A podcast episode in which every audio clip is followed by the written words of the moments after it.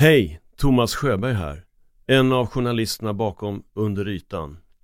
Att granska makten kan ge en många fiender, det vet jag.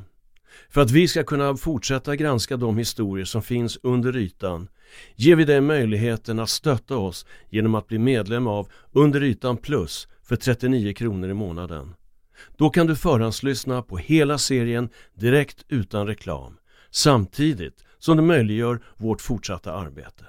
Följ bara länken i avsnittsbeskrivningen. Tack för att du lyssnar. Everyone knows therapy is great for solving problems, but getting therapy has its own problems too, like finding the right therapist, fitting into their schedule, and of course, the cost. Well, BetterHelp can solve those problems. It's totally online and built around your schedule. It's surprisingly affordable too. Connect with a credentialed therapist by phone, video, or online chat, all from the comfort of your home. Visit betterhelp.com to learn more and save 10% on your first month. That's BetterHelp H E L P. Burrow's furniture is built for the way you live.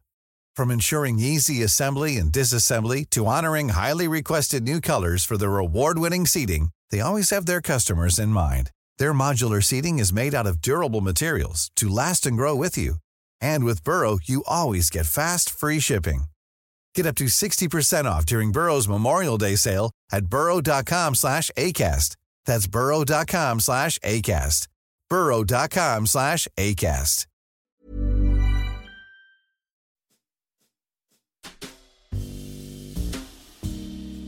Första gången Lisa våldtas är hon fyra år. Sen fortsätter övergreppen, år efter år, tills hon är 12. Efter långa perioder av förnekelse, självförakt, ångest, självskadebeteende, självmordstankar och terapi som inte fungerar fattar hon beslutet att berätta för sina närmaste vad hon utsatts för. Ja, eh, jag har en eh, bakgrund av att eh, blivit utsatt för sexuella övergrepp från att jag var fyra år och framåt. Eh, fram tills någon gång när jag var runt 12 år eh, är väl min uppfattning att det upphörde. Du lyssnar på andra delen av Skammen, berättelsen om ett övergrepp. En serie i fem delar om mig, Thomas Sjöberg, producerad av Anders Nyström och Niklas Runsten för Current Affairs. Idag är Lisa 30 år gammal och det här är hennes berättelse. Ja, oh, vad fanns Vad ska man ta? Var ska vi börja någonstans? Eh, nej men jag är väl uppvuxen i en, eh, jag är uppvuxen i en familj eh, som utåt sett såg väldigt, väldigt välfungerande ut. Eh, med föräldrar med bra jobb, bra rykte utåt sett. Allting såg väldigt välordnat ut. Men eh, under ytan så var det väl kanske inte fullt så välordnat. Jag hade en eh, pappa som eh, hade alkoholproblem. Han drack inte varje dag. Ehm, det var liksom ingen dagligt intag men när han drack så betedde han sig väldigt illa på en mängd olika sätt. Och det gjorde att det såklart eh, krockade, blev ganska mycket hemma. Och det krackelerade sinsemellan mina föräldrar. Och när jag var fyra år och bodde i ett ganska bra område strax utanför Stockholm så hade min pappa en kväll varit ute på krogen med sina kompisar. Och när han kommer hem eh, så kommer han in och lägger sig i mitt rum och då tror jag att han gör det för att han är så eh, pass berusad att han inte vet var någonstans han befinner sig, att han går fel. Men några minuter in eh, så förstår jag att eh, så är det inte utan han har full koll på vart han är någonstans. Eh, och då utsätter han mig för ett första övergrepp. Och när han är färdig då med det han har gjort så reser han på sig, går in till sig och går och lägger sig med mamma. Och morgonen efter när jag vaknar, då är det en lördag morgon, det här var en fredag natt som det här skedde på. Och lördag morgonen när jag vaknar så är det som att ingenting har hänt när jag kommer ut och ska äta frukost med mina föräldrar. Och redan där och då så förstår jag att eh, det är så här det kommer vara. Att jag behöver låtsas som att ingenting har hänt. Ehm, jag behöver klara mig själv. Jag kunde inte berätta det här för någon. Jag förstod också att det han gjorde mot mig var fel. Ehm, rent instinktivt så förstod jag det redan från början. Eh, men jag insåg att för att jag ska kunna på något sätt överleva det här så behöver jag låtsas som det regnar. Och det gjorde jag och vi gick och köpte lördagsgodis jag och min pappa som att inget, ingenting hade hänt och det var en helt vanlig lördag. Och sen då följer ett par år eh, efter det av ganska mycket stök och bråk sinsemellan mina föräldrar och när jag är runt, ja ska fylla sex så flyttar vi till eh, ett, ett, ett, annat bostadsområde strax utanför Stockholm eh, för att mina föräldrar köper ett hus. Vid ett tillfälle då så ska jag gå upp på morgonen för att väcka pappa. För att hjälp, be honom hjälpa mig att sätta, sätta på morgon-tv för att jag skulle titta på det sommarmorgon, eller sommarlovsmorgon. Och när jag kommer upp och väcker honom då hade han varit ute natten innan och då var han fortfarande så alkoholpåverkad så att han kunde inte, när han skulle ta sig ner för trappen för att hjälpa mig eh, ner i vardagsrummet så kan inte han ta sig ner för trappen utan han går rakt in i väggen. Vi hade som en trappa som var svängd så att det var först liksom en rak trappa och sen så svängde den åt sidan. Och när han eh, kommer fram till den här raksträckan så är det som en vägg rakt framför där då. Och då går han in i väggen för han hittar inte hela vägen ner för trappan. Och då vaknar min mamma och ser det här och ser att jag är väldigt eh, rädd. Och där och då förstod jag sen att då bestämde hon sig för att gå ifrån honom. Så sagt och gjort, det gjorde hon. Eh, de beslutade sig för att skiljas, eller mamma beslutade sig för att skiljas från pappa. Eh, och det mynnade ju ut i eh, om möjligt ännu mer kaos och konflikter än vad det redan var tidigare. Pappa kunde ringa till mamma och hota henne. Han ringde till hennes jobb, till hennes kollegor och hotade dem. Han var fly förbannad över att hon hade valt att lämna honom på det sättet hon gjorde. Men hon var fast besluten att göra det. Och sen kom vintern och julen. Och då skulle första julen isär då firas. Och då hade det beslutat som så att mamma och hennes nya man eller hennes nya respektive skulle fira jul tillsammans med hennes sida av familjen, min mormor och morfar. Och det här fick då pappa reda på och blev fullständigt skogstokig över att eh, mammas nya respektive skulle få följa med. Och det där byggde någon sorts ilska i honom som eh, tror jag var svår för honom att hantera. Och någonstans där runt jul, jag minns inte exakt om det var på julafton, juldagen, annandagen, men det var under juldagarna där. Så är vi ensamma hemma i huset, jag och pappa, som vi numera var då varannan vecka. Och han eh, kommer in till mig på kvällen. Jag hade somnat. Eh, han kommer in till mig på kvällen och begår ytterligare ett övergrepp eller en våldtäkt försöker han eh, genomföra.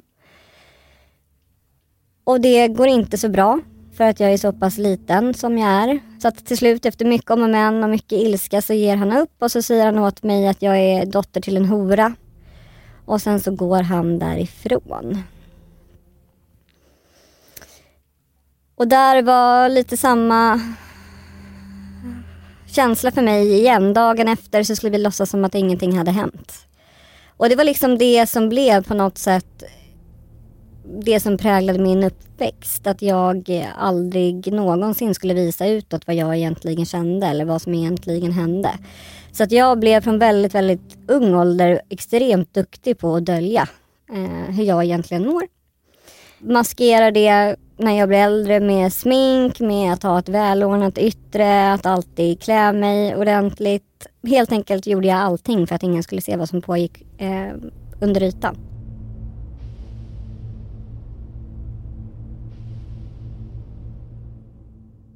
Åren efter skilsmässan såg ut som det brukar i en skilsmässofamilj. Delad vårdnad och varannan veckas boende. Så såg det ut. Men ganska så fort så träffade min pappa en ny kvinna också för att han inte klarar av att vara själv. Så han träffade en ny kvinna via sitt arbete som eh, jag tyckte jättemycket om från början. Så vi blev väldigt tajta hon och jag. Jag brukade få följa med ibland på pappas jobb. Jag hade svårt att eh, vara själv hemma. Jag tyckte det var jobbigt. Jag hade ingen riktigt sådär fritidslösning eh, när jag fortfarande var så pass liten. Så brukade jag få följa med till pappas och mammas jobb. Och då var ju eh, hon där. För hon jobbade tillsammans med honom. Så att jag fattade ganska eh, snabbt tycke för henne. Hon var väldigt bra på att nå mig eller nå barn generellt. Så att hon och jag kunde sitta på kontoret och eh, rita teckningar och småprata. Och sen, jag minns inte riktigt i vilket skede det blev tydligt för mig att de var tillsammans. Men då blev jag i alla fall jätteglad. Och jag såg det också som någon sorts eh, räddning i att jag inte behövde vara själv med pappa. Hon blev liksom mitt, min sköld eller mitt skydd i det. Så att när i samma veva som hon kom in så upplevde jag att, att hans närmanden avtog under den perioden. Eh, och det var också mycket för att hon redan från början var väldigt på mig, var väldigt nära mig, både rent fysiskt men också mentalt. Där också. Hon tog på sig ett helhets, eh, eller, ja, heltidsansvar för mig. Och när jag var tio år så berättade hon för mig att hon var gravid och att jag skulle få syskon. Och då blev jag ju överlycklig över att jag äntligen eh, skulle slippa vara ensam. Jag hade längtat efter syskon i flera års tid. Så jag blev överlycklig. Eh, hon var gravid, syskonen kom och två veckor efter förlossningen så började hon märka av problem i sin mage.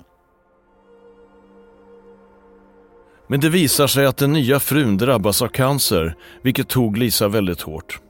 Jag väl inte heller riktigt förstå. Hon var ju väldigt envis som person så hon gav ju inte upp bara för att hon hade fått ett dödsbesked.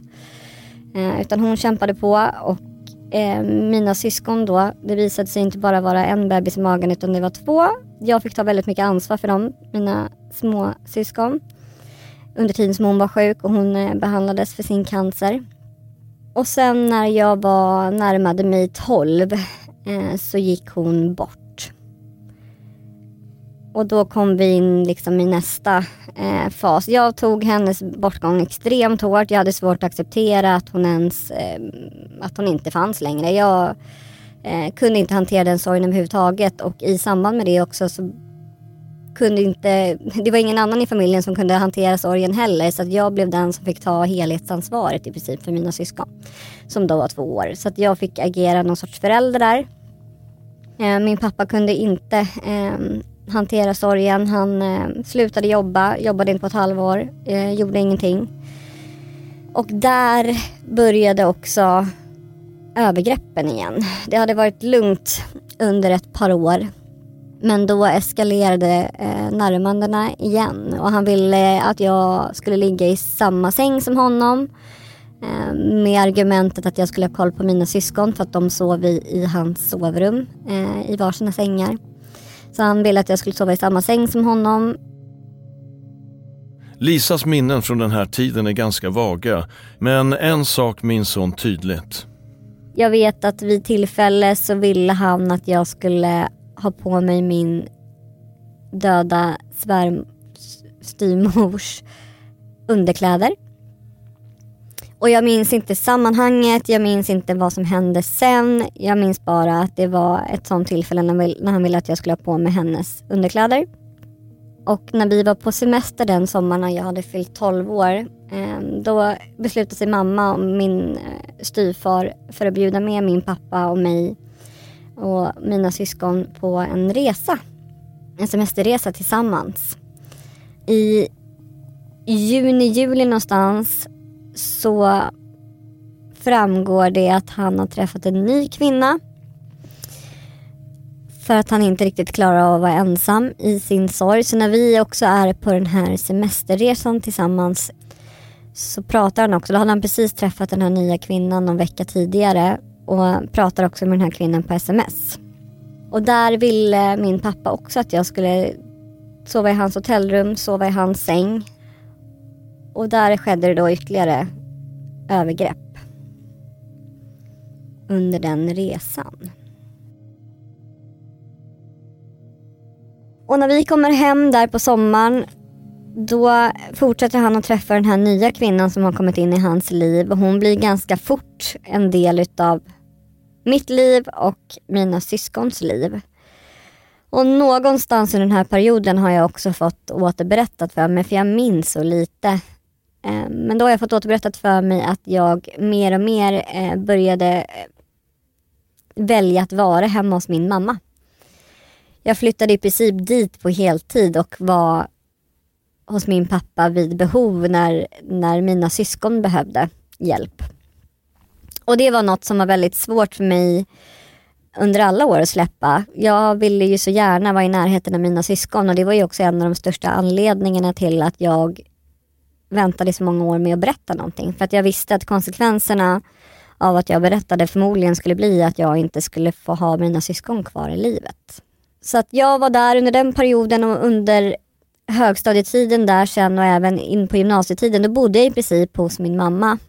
Eh, och var och hälsade på min pappa så fort man behövde hjälp med mina syskon eller om det var annat som, som vi skulle göra tillsammans. Men jag bodde inte alls där Eh, varannan vecka så som jag hade gjort tidigare.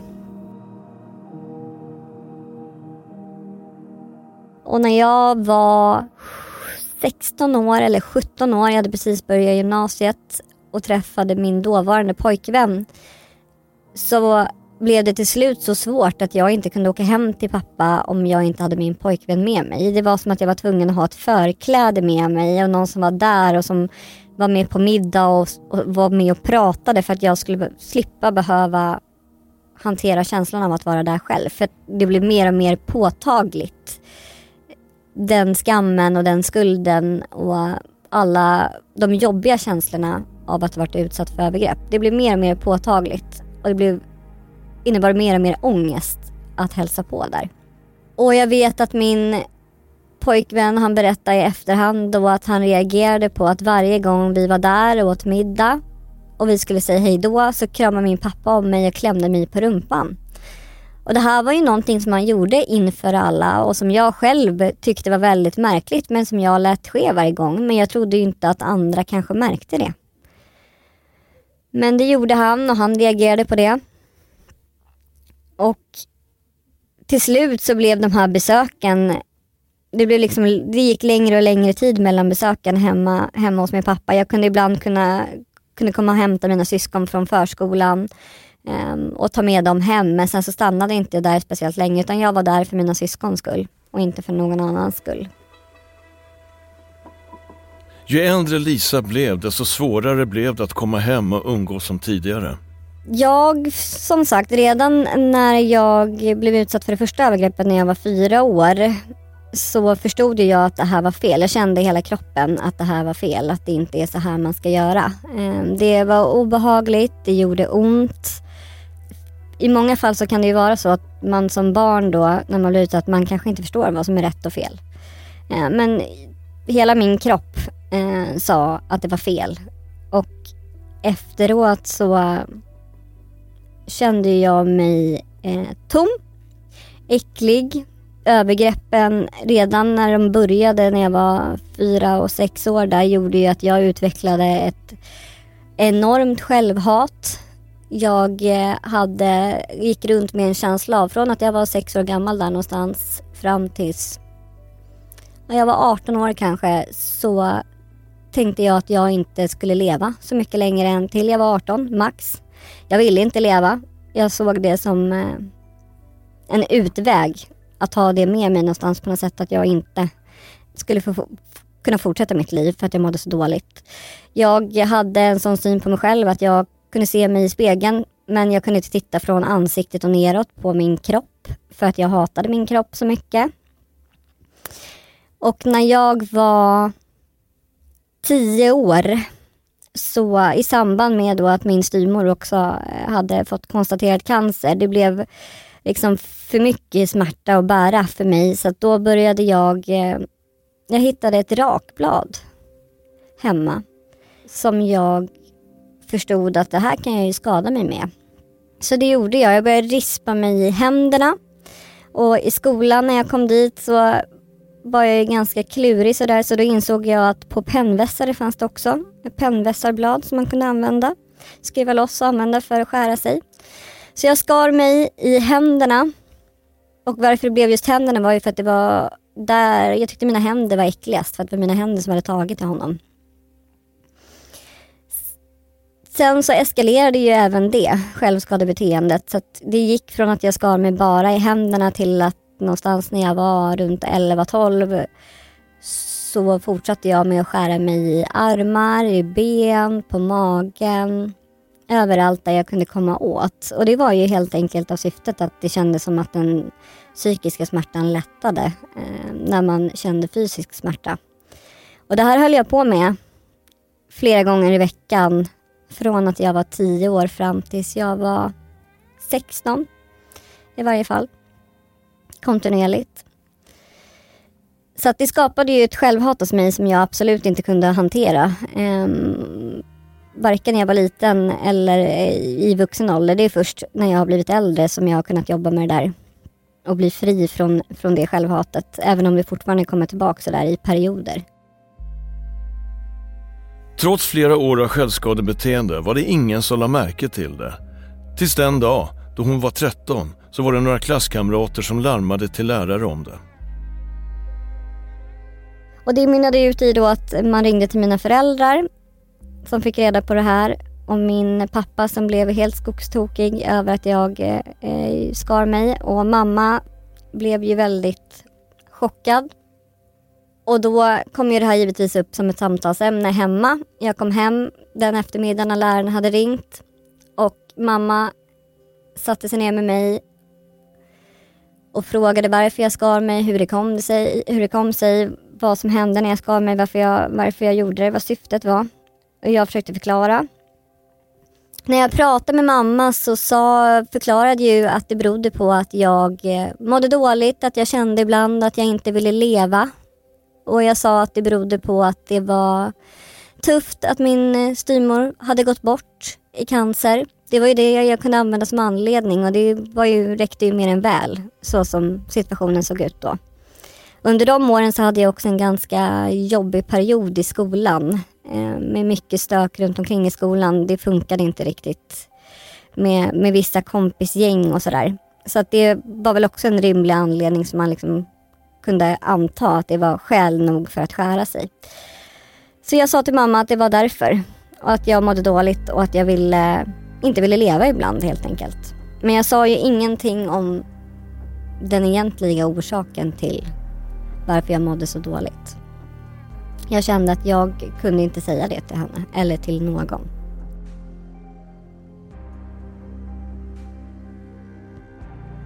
Efter, efter ett tag så tror jag att jag kanske också blev sämre på att dölja det.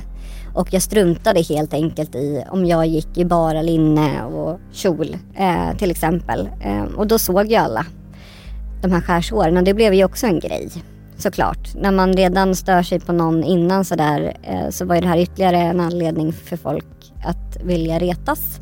Så att jag kallades för zebran eh, bland annat för att jag hade skärsår eh, uppifrån och ner på både armar och ben, insida och ut.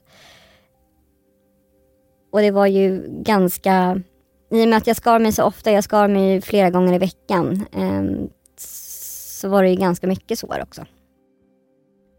De flesta i Lisas omgivning tror alltså att hennes självskadebeteende beror på styvmoderns bortgång. Men successivt växer misstankarna om att det finns andra förklaringar till skärsåren. Däremot så, så var det så, jag hade ju många kompisar till exempel som inte vågade gå hem till min pappa för de tyckte att han var läskig. Man vill inte umgås eller hänga hemma hos mig. Utan skulle, skulle jag ta hem kompisar så ville de oftast bara följa hem, med hem om jag skulle åka hem till min mamma. De ville inte följa med hem till min pappa. Ehm, många kompisar tyckte det var läskigt om pappa kom till skolan eller att prata med honom och sådär. Så att man hade ju kanske en känsla, eller många kompisar hade väl en känsla av att, av att han var en väldigt auktoritär person och väldigt respektingivande och att det kanske inte var helt hundra ställt hemma men inte att det rörde sig om övergrepp. Utan kanske snarare misshandel.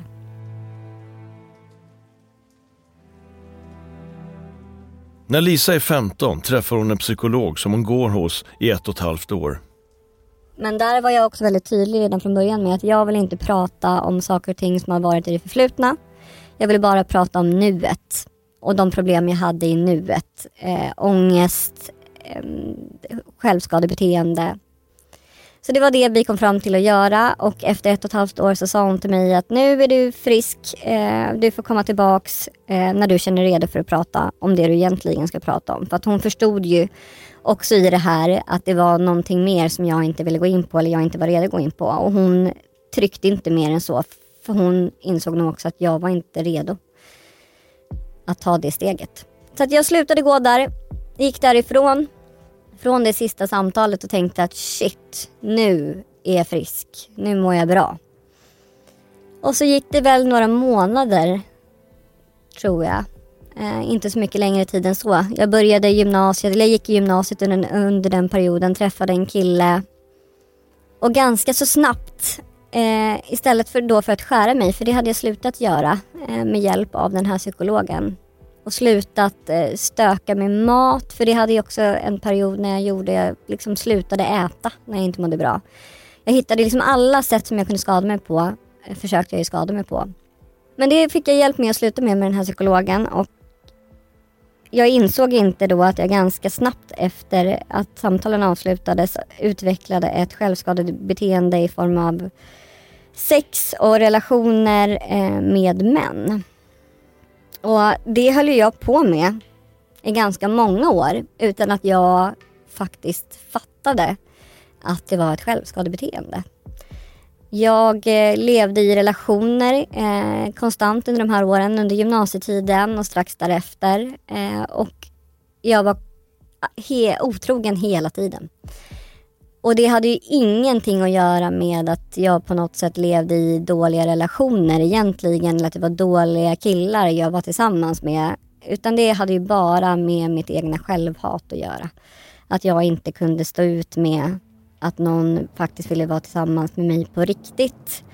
Och jag gjorde, fortsatte att göra allt jag kunde för att förstöra för mig själv. Burrow is a furniture company known for timeless design and thoughtful construction and free shipping. And that extends to their outdoor collection. Their outdoor furniture is built to withstand the elements, featuring rust-proof stainless steel hardware, weather-ready teak, and quick-dry foam cushions. For Memorial Day, get 15% off your Burrow purchase at burrow.com slash ACAST and up to 25% off outdoor. That's up to 25% off outdoor furniture at burrow.com slash ACAST. Everyone knows therapy is great for solving problems, but getting therapy has its own problems too, like finding the right therapist, fitting into their schedule, and of course, the cost. Well, BetterHelp can solve those problems. It's totally online and built around your schedule. It's surprisingly affordable too. Connect with a credentialed therapist by phone, video, or online chat, all from the comfort of your home. Visit betterhelp.com to learn more and save 10% on your first month. That's BetterHelp H E L P.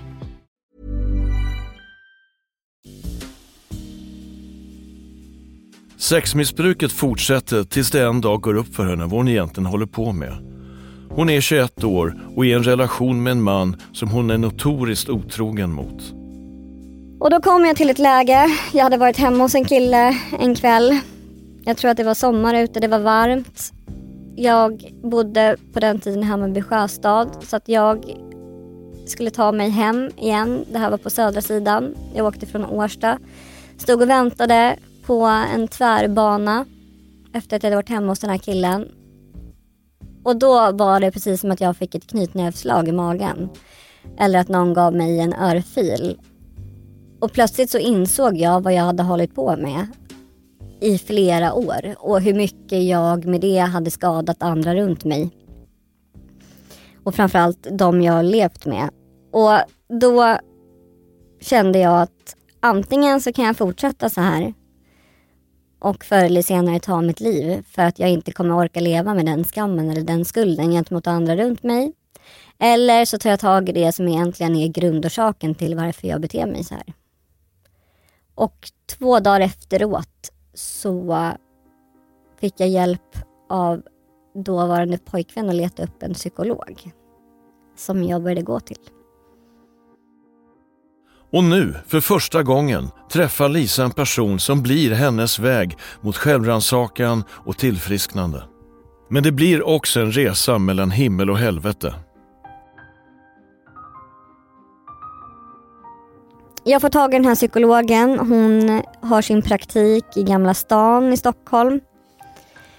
Så att jag åker in dit första gången och då pratar vi ganska sådär ytligt som man gör på psykologsamtal kring vad jag kom dit för, vad jag, hade, vad jag ansåg mig ha för problematik, vad jag ville ha hjälp med och så vidare. Och sen hade vi ett par inledande samtal och vid det tredje samtalet jag minns inte exakt i vilket sammanhang men då frågar hon mig om jag hade blivit utsatt som barn. Och då brast det för mig helt och hållet. Jag bryter ihop fullständigt på ett sätt som jag då inte hade gjort på, vad blir det, 18 år i varje fall, ish. Jag bryter ihop fullständigt och hon förstår ju på mig att hon hade nått en punkt och då bara väller det ur mig sen att jag hade blivit att jag som fyraåring blev utsatt av pappa. Att jag fortsatte under uppväxten. Att jag fortfarande hade kontakt med honom. Att jag var där frekvent. Att jag hade flera syskon i bilden som jag brydde mig väldigt mycket om. Och där öppnade sig väl helvetet lite grann för mig på riktigt. För även om man hade gått under många, många, många år och känt det här självhatet och den här skammen och den här känslan av att inte vilja leva så hade ju inte jag öppnat mig så för någon överhuvudtaget på det sättet. Så det var verkligen som att öppna dörren till helvetet och jag fick ganska mycket, eller ganska mycket, jag fick enorm ångest. Sådär på en gång. Jag fick svårt att sova, extremt svårt att sova. Jag sov nog inte på flera veckor efter det här samtalet. Jag kunde inte äta, jag var uppjagad, jag var stressad, jag kände mig paranoid, jag tyckte att eh, folk runt omkring mig, jag blev stressad av att vara på bussar, kollektivtrafik. Det blev en akut stressreaktion kan man väl nästan säga. Och nästföljande samtal då med henne, där började vi då grotta i mer detaljerat i vad som hade skett men vi började också så småningom att lägga upp en plan för hur jag skulle hantera det här. Dels för egen del men också hur jag skulle hantera det gentemot min familj. Och hennes förslag var att jag skulle sätta mig ner tillsammans med min pappa mitt emot honom och berätta att jag tyckte att han hade gjort fel. Och jag kände instinktivt sådär att nej, det tror jag inte är rätt väg att gå. Men jag gick sådär väldigt mycket på hennes linje. Jag såg det som att hon var välutbildad. Hon hade jobbat med barn, barn tidigare eh, som var utsatta. Hon hade inte jobbat med vuxna som hade blivit utsatta. Eller så. Så jag gick på hennes linje, gick eh, hos henne under ett halvår tror jag. Och på våren där, eh, ett par månader in hos henne, så kom vi dels överens om då att hon som psykolog hade ju ett ansvar att anmäla. Eh, SOS-anmäla ifall det fanns oro för barn. Och hon gjorde då den här SOS-anmälan mot min pappa och hans familj. Och jag visste ju att det var första steget till att det skulle brisera, att bomben skulle brisera på något sätt. Så jag tyckte att det var enormt jobbigt och jag kände lite grann, jag kände mig överkörd. Det kändes som att man inte gjorde saker tillsammans med mig utan det var lite grann över mitt huvud eller att man körde över mig i processen. Så jag gick hela tiden runt i det här med all den här ångesten som också var och alla symptom som uppkom av att inte kunna sova, inte kunna äta, allt det som sker i en akut stressreaktion. Så jag gick också runt med en känsla av att jag inte tyckte att det här kändes så bra, den hjälpen jag fick. Och efter att vi hade sossanmält då så beslutades det ju även att jag skulle prata med min familj. Och det, det ville jag göra, även om jag tyckte att det var otroligt jobbigt. Och då uttryckte jag det också att jag ville lägga upp det stegvis för att det inte skulle bli för mycket att hantera. Och för att jag visste också att min mammas reaktion skulle bli väldigt, väldigt svår. Så vi började med att min mormor och morfar fick komma med på ett psykologsamtal. Och att jag berättade för dem själv. Och min mormor och morfar de har funnits med under mitt liv från att jag var spädbarn och hela vägen och vi har umgåtts flera gånger i veckan och haft en otroligt nära kontakt. Och min mormor och morfar hade också en väldigt nära kontakt med min pappa och hans familj. Min mormor har alltid varit tajt med min pappa och tyckt väldigt mycket om honom, även efter skilsmässan. Men när jag berättade för henne och för min morfar så var det som, det var, fanns ingen tvekan hos dem. Utan de köpte min historia direkt. Mormor såg en massa samband med saker och ting som hon inte hade förstått under alla de här åren. Hon hade ju sett små saker här och där som hon inte riktigt kunde pussla ihop men som nu blev solklart för henne. Så de trodde på mig från första början och det är också mer än vad jag kanske egentligen hade förväntat mig eftersom att det är långt ifrån alla som blir trodda av sin familj eller sina närstående. Så de var med på ett första samtal, vi pratade mycket kring det här efteråt. Jag hade mormor och morfar som ett otroligt stöd under hela den här processen. Utan dem så hade jag heller inte suttit här idag utan då hade jag inte orkat gå igenom den processen.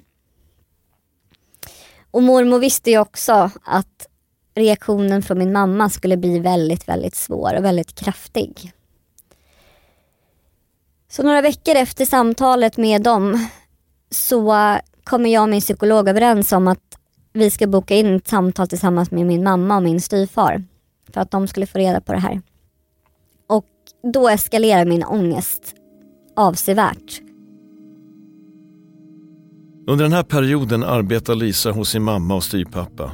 Oron, ångesten och stressen för att hon snart måste berätta för sin mamma gör att hon sluter sig och blir allt mer tillbakadragen.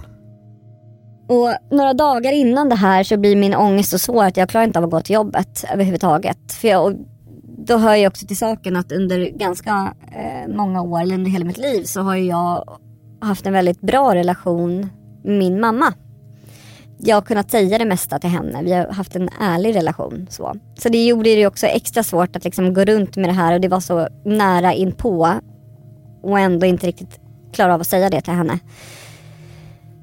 Och när jag då stannar hemma från jobbet så förstår ju mamma att någonting är riktigt fel. Så då ringer hon till min expojkvän och försöker fiska efter information. Och han säger ju då vissa saker till henne som gör att hon börjar förstå vad det rör sig om. Och hon börjar väl räkna ut att det har med någon typ av våldtäkt att göra. Så som jag förstår det från mitt håll. Vilket gör mig ännu mer stressad. Men dagarna går, det är dags för psykologsamtalet. Vi kommer dit och då är min mormor och morfar med. Min expojkvän är där. Psykologen är där och mamma och min styvfar kommer in. Och jag ser på hela mammas kroppshållning att hon förstår vad det här handlar om. Att hon har fattat. Och hon är så arg och hon är så uppjagad. Jag tror aldrig jag sett henne vara så uppe i varv som hon var då. Och vi sätter oss ner alla tillsammans. Vi sitter i en ring. På några hårda plaststolar i det där lilla rummet. Och min psykolog inledde med att säga då att min mamma inte får ställa några direkta frågor till mig. Och sen berättar jag då som det är. Jag berättar att det är min pappa som har utsatt mig. Och då ställer sig mamma upp och jag kramar henne. Och jag märker på henne att hon är så otroligt uppjagad, så otroligt arg. Så hon kramar mig och så klappar hon mig på ryggen och så säger hon det kommer bli bra. Det kommer ordna sig, vi fixar det här.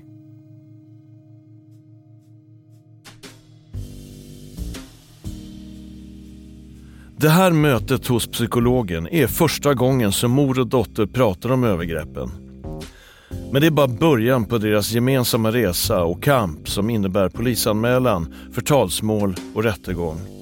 Men som framförallt är en resa som handlar om att fortsätta sitt liv efter att det värsta som kan hända faktiskt har hänt. Jag började rannsaka mig själv efter att vi hade varit hos den här psykologen och bara varför har inte jag sett någonting? Vänta lite här nu. Han började när hon var fyra år. Jag skilde mig från honom när hon var sex år. Två år och jag såg ingenting. Hur kunde jag inte se? Och att jag inte behövde vara själv med skammen. Även om man inte önskar någon annan att vara med om samma sak så var det så otroligt skönt att se att man inte var ensam. Du har lyssnat på andra avsnittet av Skammen, berättelsen om ett övergrepp. En serie i fem avsnitt av mig, Thomas Sjöberg, producerad av Anders Nyström och Niklas Runsten för Current Affairs.